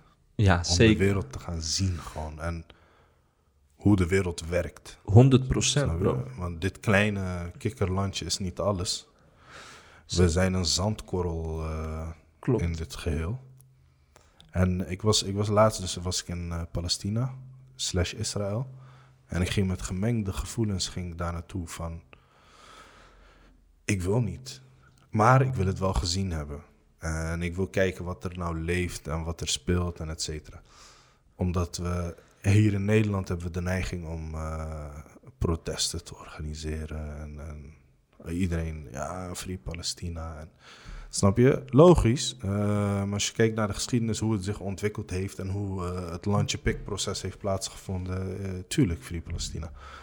Maar je moet het gezien hebben. Ja, Dus als je de mogelijkheid hebt om te zien wat daar speelt en welke factoren allemaal meespelen, wat ertoe heeft geleid dat dit heeft plaatsgevonden. ja. Impact. Het heeft impact. Het verandert jou als persoon. Je gaat anders kijken naar de wereld. Je gaat ehm, de kleine dingen die je hier hebt, ga je, ga je meer waarderen. Snap je? Je zegt veel eerder alhamdulillah. Ja. Maar mijn advies zou dus zijn aan mensen om echt te gaan... re- Wil je jezelf ontwikkelen, dan moet je reizen. Zeker. En ik had het toch ook over eh, Bosnië.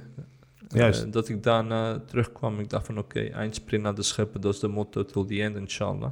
Het zou langer duren om tot dat punt te komen als je niet naar Bosnië was geweest. Ik denk het wel. Ik denk het wel. Ik zeg, ik zeg niet per se dat ik heel erg veranderd ben door Bosnië, maar, Nee, maar de emphasis is... Ja, zeker. 100% bro. Ehm, Klopt. Je komt niet als andere mens terug of zo. Dat is nou, allemaal heel ja, zweverig. Maar, Ik bedoel, ik ging naar Bosnië bro. Ik, eh, eerste dag Sarajevo. Je ziet alleen maar kogelgaten in verschillende gebouwen. Ik denk van wow, oké. En ik was, eh, zes dagen was ik daar. En ik dacht vanaf dag één al van oké, hier ga ik niet aan wennen man, al die kogelgaten. Dus wij toeren dag twee. En dag twee, dan ben je het al gewoon gewend. Je Ja. ziet gewoon haunted houses, gewoon... Je ziet gewoon gebouwen, gewoon die kanonnen kapot zijn geschoten met snipers, alles erop en eraan. Je weet gewoon wat hier heeft plaatsgevonden in Sarajevo, in Srebrenica. Srebrenica was mij helaas niet gelukt, maar bijvoorbeeld in Sarajevo was ik naar een museum gegaan. En ik ging gewoon een tunnel in. En die tunnel was in feite, de originele tunnel was eh, volgens mij een paar kilometer lang of whatever. En ik had me ongeveer 35 meter eh, kunnen lopen. En het was ook gewoon voor 35 meter eh, was het enkel voor, de voor de toeschouwers om eh, erin te gaan. Of in ieder geval de bezoekers van het museum. En dan moet je je voorstellen dat mensen gewoon voor hun vrijheid gewoon een tunnel moesten gaan graven in een nacht. Om ervoor te zorgen dat de Serviërs eh, niets eh, zouden merken. Eh, we praten over 92, 93, 1992, 1993. En dan willen ze naar de andere kant komen. En weet ik veel hoe ze met anderen hebben moeten communiceren van gaan jullie die kant ook een tunnel bouwen? En je weet niet eens of je op een, eh, in een gevarenzone komt of op een, eh, een, een zone komt waarin je vrij bent. Maar dan zie je gewoon jonge gasten. En die moslims in, in Joegoslavië toen de tijd, voor wat ik weet, waren heel erg seculier. Maar desalniettemin, jonge gasten, die moesten gewoon, eh, ja, moesten gewoon rennen, moesten gewoon creatief zijn Ja, En dan- overleven. overleven. Dan denk ik bij mezelf, wat jij zegt, we hebben het goed hier. Dan denk ik van, ik, eh, Bilal Arif, wonend in Nederland, in Den Haag. Ik heb die stress niet gehad. Dus als ik niet voor deze mensen een opinion kan vormen of hun kan steunen op verbaal gebied eh, om een publieke opinie te kunnen veranderen, wat heeft mijn leven voor zin? Klopt. Snap je? Dus zij zijn die oppressed geweest en wij als moslims wereldwijd worden nog steeds oppressed. En als je daar dan zelfs over stil blijft, terwijl je alle, eh, ja, de, de nerma van Allah subhanahu wa ta'ala hebt gekregen, je proeft het, je ziet het. Ja, nee man, dan, eh, nee man, politiek bewustzijn is belangrijk. Bijvoorbeeld ook in hetzelfde museum, op straat, eh, in dit geval was ook een open museum, ehm, zie in bepaalde straten zie je gewoon rode vlekken. En die rode vlekken symboliseren eigenlijk bloed dat daar is gevloeid. En dan zit je daar. Een kind zou zeggen, als je niet zou weten wat het was, zou je denken van, hé, hey, leuke tekening, een beetje creatief, misschien niet mijn smaak, maar het ziet er leuk, leuk uit. Maar als je wist gewoon dat hier gewoon mensen zijn overleden, bro. Gewoon op dat plekje. Ja, ja, ja. Dat is gewoon echt niet normaal. Toen dacht ik van, yo, go back to the. Netherlands, The Hague en get it on.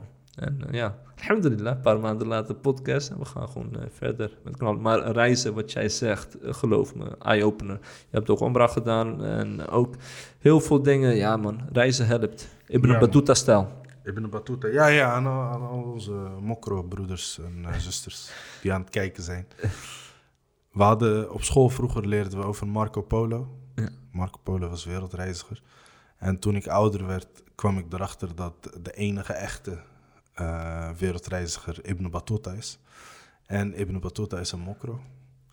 En al mijn Marokkaanse vrienden gingen jaarlijks naar Marokko voor zes weken. Terwijl zij de grootste wereldreiziger aller tijden hebben geproduceerd. Ja. Dus een oproep naar alle mokro's. Doe wat anders. Bro, Pak een andere bestemming. het- er is nu wel een nieuwe ontwikkeling. Hè? Ja. Bij de nieuwe generatie, die gaan overal naartoe. Die Ja. gaan naar Bali, naar Indonesië, naar Tanzania, noem maar op.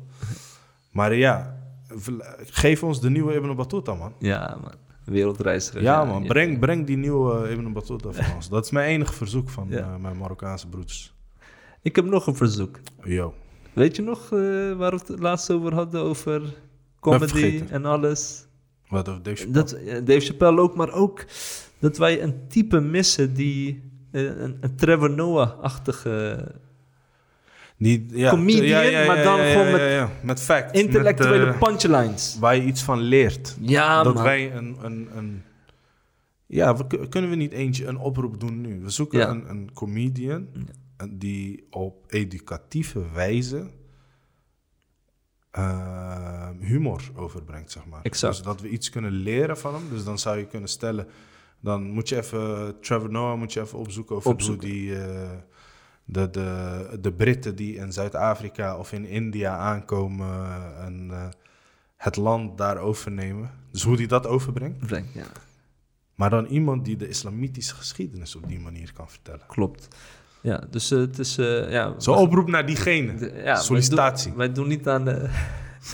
Wij doen niet aan het feit van wat iemands opleidingsachtergrond is. Eh, de vacature is geheel relaxed. Ja, ja, ja. Het is de Maar meest je- chille vacature ooit. Je hoeft niet zo'n pak aan te doen. Maar je moet wel funny as heaven zijn. Ja, man. Bij binnenkomst moeten we gewoon tranen. Gewoon Gewoon. lachen. Maar dan gewoon wel binnen de islamitische kaders. Want kijk, sommige jokes kunnen niet. Dus, eh, Ja, maar ik weet niet of ze, of ze bestaan. hè. Net, net als die Neil deGrasse Tyson. Dat hij zo'n zwaar onderwerp eh, op een simpele manier kan op een uitleggen. simpele manier uitleggen. Als daar een islamitische invalshoek van zou zijn. Ja. Iemand die dat onderwerp op zou... En dan heb je nu ook met de comedy. Ja. Ah, maar misschien bestaan ze. En dan zijn wij gewoon niet eh, In Nederland. op de hoogte. Ja, nou ja, in Nederland hebben we... Ja, we hebben eentje hier nodig. Het is eigenlijk lesgeven op een eh, humoristische manier, hè? En ik geloof erin. Ik geloof dat iemand dat kan. Dus eh, we zijn op zoek naar... Volgens mij heb je die gasten van eh, de borrelnootjes. Maar dat is niet... Dat is geen islamitische manier. Ja, Maar dat zijn volgens mij leerkrachten. subhanallah. Volgens mij zijn dat leerkrachten. Dus dan is het een oproep nu aan de borrelnootjes. Allereerst kom naar de podcast. Ja, ja, kom hier naartoe. Dat is één. En daarna gaan Maar we ik denk dat die gasten zijn... dat- Die gasten Zij zijn zouden doodlachen, man. Ja, Dus dat is wel een... Oké, oké. Oké. Zie een businessmodel hier. ja oké, is goed. 5%. Executive producer Noor vandaag en Dina Dunia podcast. We gaan, we gaan mooie dingen maken. Ja, inshallah. Eh, nee, nee, maar we hebben het echt nodig. Zo'n krachtige individu die eh, gewoon eh, sterke punchlines heeft. Die kan education met entertainment juist mixen binnen de kaart van het dien. Want we praten nog steeds over Ja. vertrekpunt dient vanuit islam te zijn. Maar heel veel jongeren, ja, die worden niet geraakt door een eh, super lange preek. Of de, de, dat ze echt veelvuldig ook de madrassa's bezoeken. Nee, nee, con- concentratievermogen is niet heel. Ja. Hoe komt dat? dan? Door wat? Weet ik veel. Ik denk computerspelletjes of zo, ik weet niet. Ja, computer. Ik speel zelf FIFA, dus ik, ik wil niet mensen Ja? die spelen, wil ik niet afkraken. Nee. Ik ben best wel goed met FIFA. Vroeger was dat pro. Weet pro? je hoe vaak ik het hoor van mensen? Ik ben best wel goed met FIFA. Ja, dat is, dat is die bescheidenheid, Dat zodat ja. wanneer het erop aankomt, dat je gewoon pak slaag krijgt. Snap Ah. Dat is die... We Oh, gaan en het misschien... is een inlokkertje en dan... Nee, vroeger was het pro. Pro Dus niet te min over mensen die spelletjes spelen, want zelfs op deze leeftijd doe ik dat. Eh, waar hadden we het over? Waar ging naartoe? Over eh, ja, eh, dat aandacht niet vast blijft. Prachtig dat ik vergeten ben. Ja, prachtig. Wallah, waar het Dus jij bent zelf slachtoffer van de computerspelletjes. Gotcha. Ban de computer games. Nee. Nee, nee, ik, ik, ik weet niet. Die concentratievermogen, het moet interessant blijven. Het moet leuk blijven. Het moet pakkend zijn. Ik zit in een, ik, een, een vergadering hè, Ja. de politiek. Duurt 3,5 uur. Jij moet wat meer vertellen over hoe het in de gemeente daarna gaan toe gaat. Daar hebben we nog niet over Ik, ik ga een keer een filmpje maken over behind the scenes. Oh. Het is zeg maar een selecte groep mensen die de power hebben om over jouw leven te beslissen. Al die dat is- Illuminati dingen daar. Dat is, eh, ja, Illuminati exists. The Arrivals. We moeten een keer over Illuminati gaan praten. Oké. Over de, de financial banking system. Het is de bedoeling dat heel veel podcast eh Je moet verschillende gaan mensen maken. krijgen ja, ik bedoel? Als zie je bij elke aflevering. Nee, nee, nee, dat is niet zo erg. Maar als we meteen over de Illuminati gaan, eh, gaan Aan praten, weet je, dan, en we hebben vandaag al over politie gehad.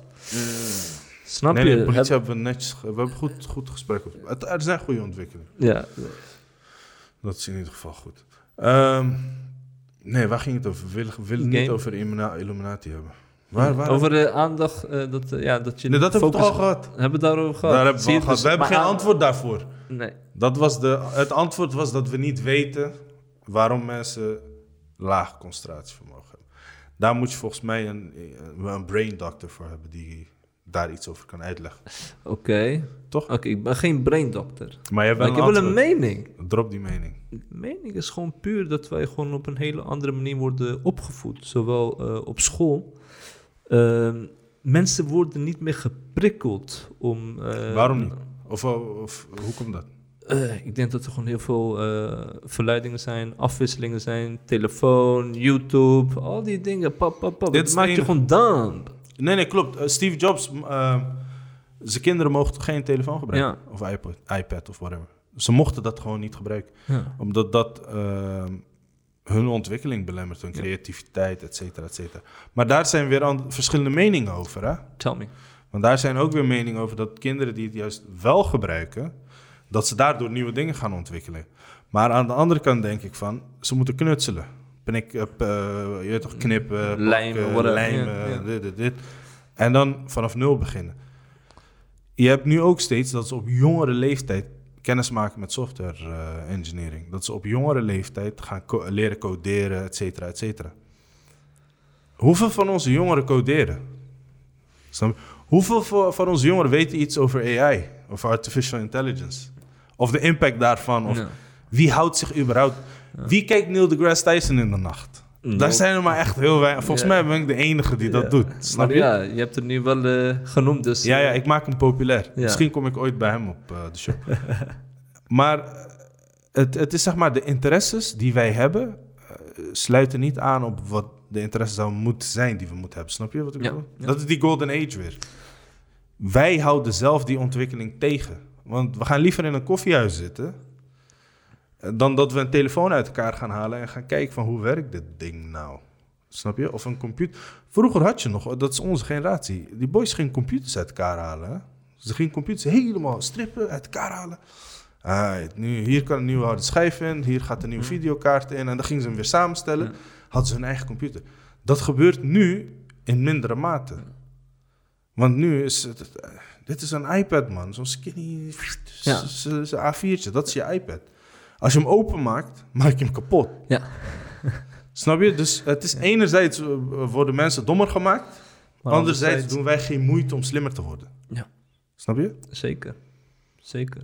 Ik klink best wel slim, man. Soms. Ja, zeker. zeker. Al zeg ik het zelf. Dus eh Neil deGrasse Tyson, je Hij- hebt hij weer raakt. iemand erbij. Hij raakt.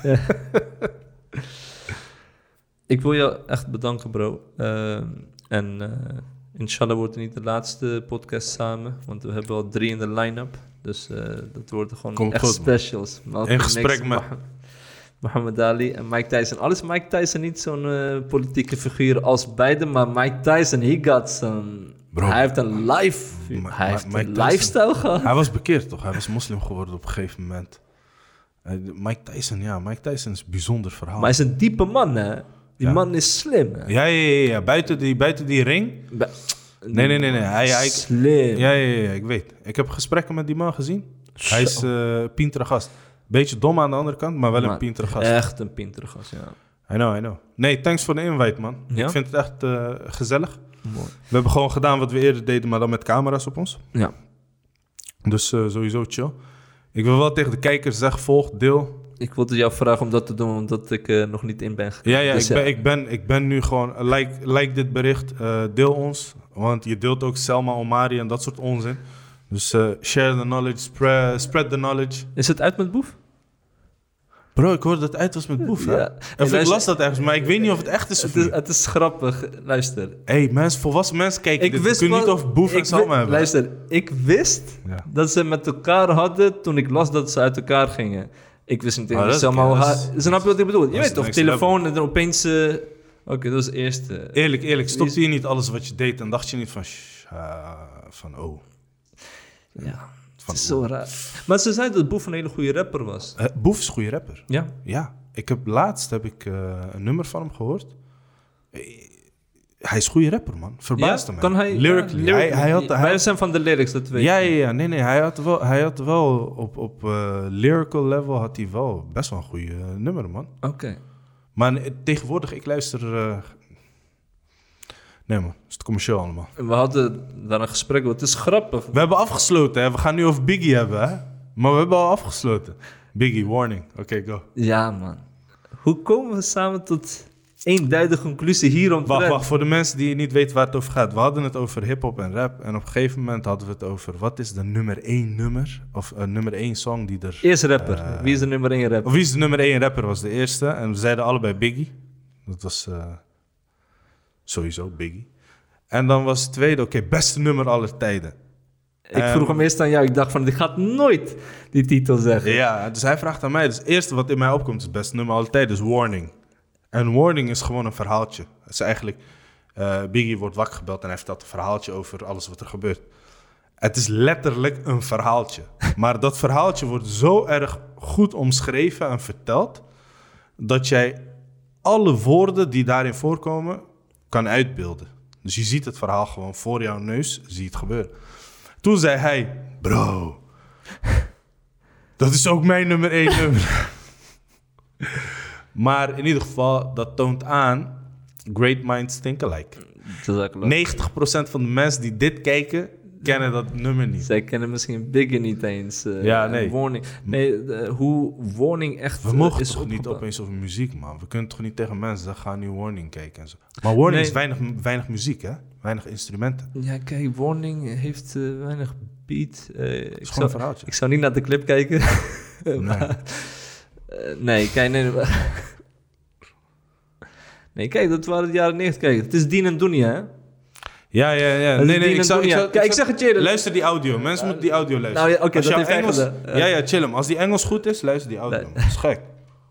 Nee, waar het om gaat is, kijk, het, het heet Dien en Dunya. En wij kunnen nu wel heel, weet je, eh, anders gaan praten over dingen. Maar wij hebben ook invloed gehad. Wij zijn ook beïnvloed geweest. We hebben ook misschien een iets wat andere lifestyle... Ja, precies. Iets wat andere lifestyle gehad. En eh, kunnen mensen zeggen van... Nee man, verwachten met deze gasten, deze old boys praten over old school hip-hop. Eh, maar zijn ze niet om mensen te educeren. Maar ja, iedereen heeft ook een, een achtergrond van... bij sommige moslims, muziek heeft een hele grote rol gespeeld. Snap je? Eh, ik ken broeders, wallahi, die zijn gewoon straight up, weet je. Ze willen niks met muziek te maken hebben. Maar soms prikkelt het ook bij hen. Dan zeggen ze gewoon tegen mij, snap je? Maar dat is die band die ik met broeders kan hebben, snap je? Dus wees niet al te veel bashen. Ik zeg niet van, hey, eh, koop nu een cd. Koop gitaren. of Ga eh, ga streamen of whatever. Maar het gaat om gewoon een, hele oude track. En om eerlijk te zijn, teksten die ik nog van vroeger ken, of eh, de rappers die ik nog van vroeger ken, ik probeer daar wel, eh, daardoor, het is heel grappig misschien, maar daardoor wel een betere eh ja, dawa-drager te worden, of een betere denker te worden. Want je gaat nu lyrics heel anders begrijpen. En ik heb ook tegen jou gezegd, waarom vind ik Notorious B.I.G. zo geweldig, terwijl ik ben opgegroeid in de Death Row era, Ja. Weet je, en dan moest je gewoon meedoen. Dan was het gewoon West Coast, alles, snap je? Eh, omdat het ging over de bling en wat not. Maar het ging niet over inhoudelijk echt baanbrekende dingen. Maar Biggie, naar mijn mening, kon de dirt of resultaat van kapitalisme zo mooi en zo ja, Poëtisch verwoorden. poëtisch specifiek naar voren brengen. Ja, dat is gewoon gekke werk.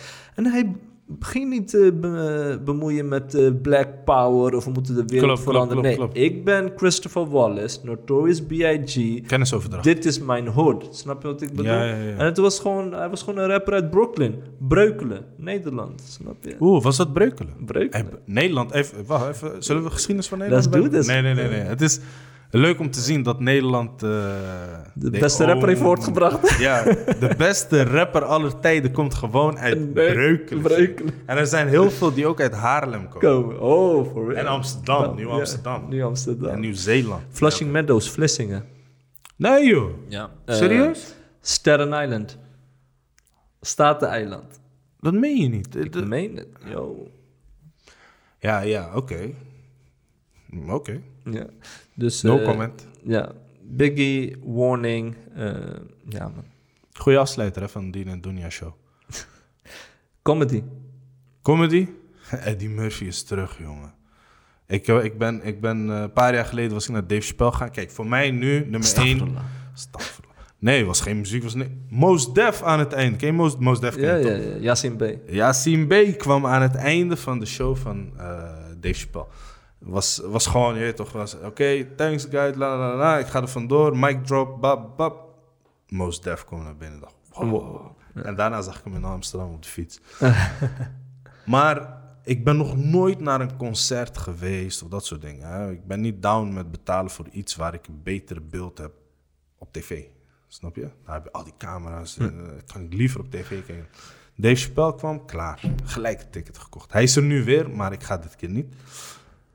Eddie Murphy komt eraan. Coming to America 2. Beverly Hills Cop is die aan het maken. Maar hij gaat stand-up doen.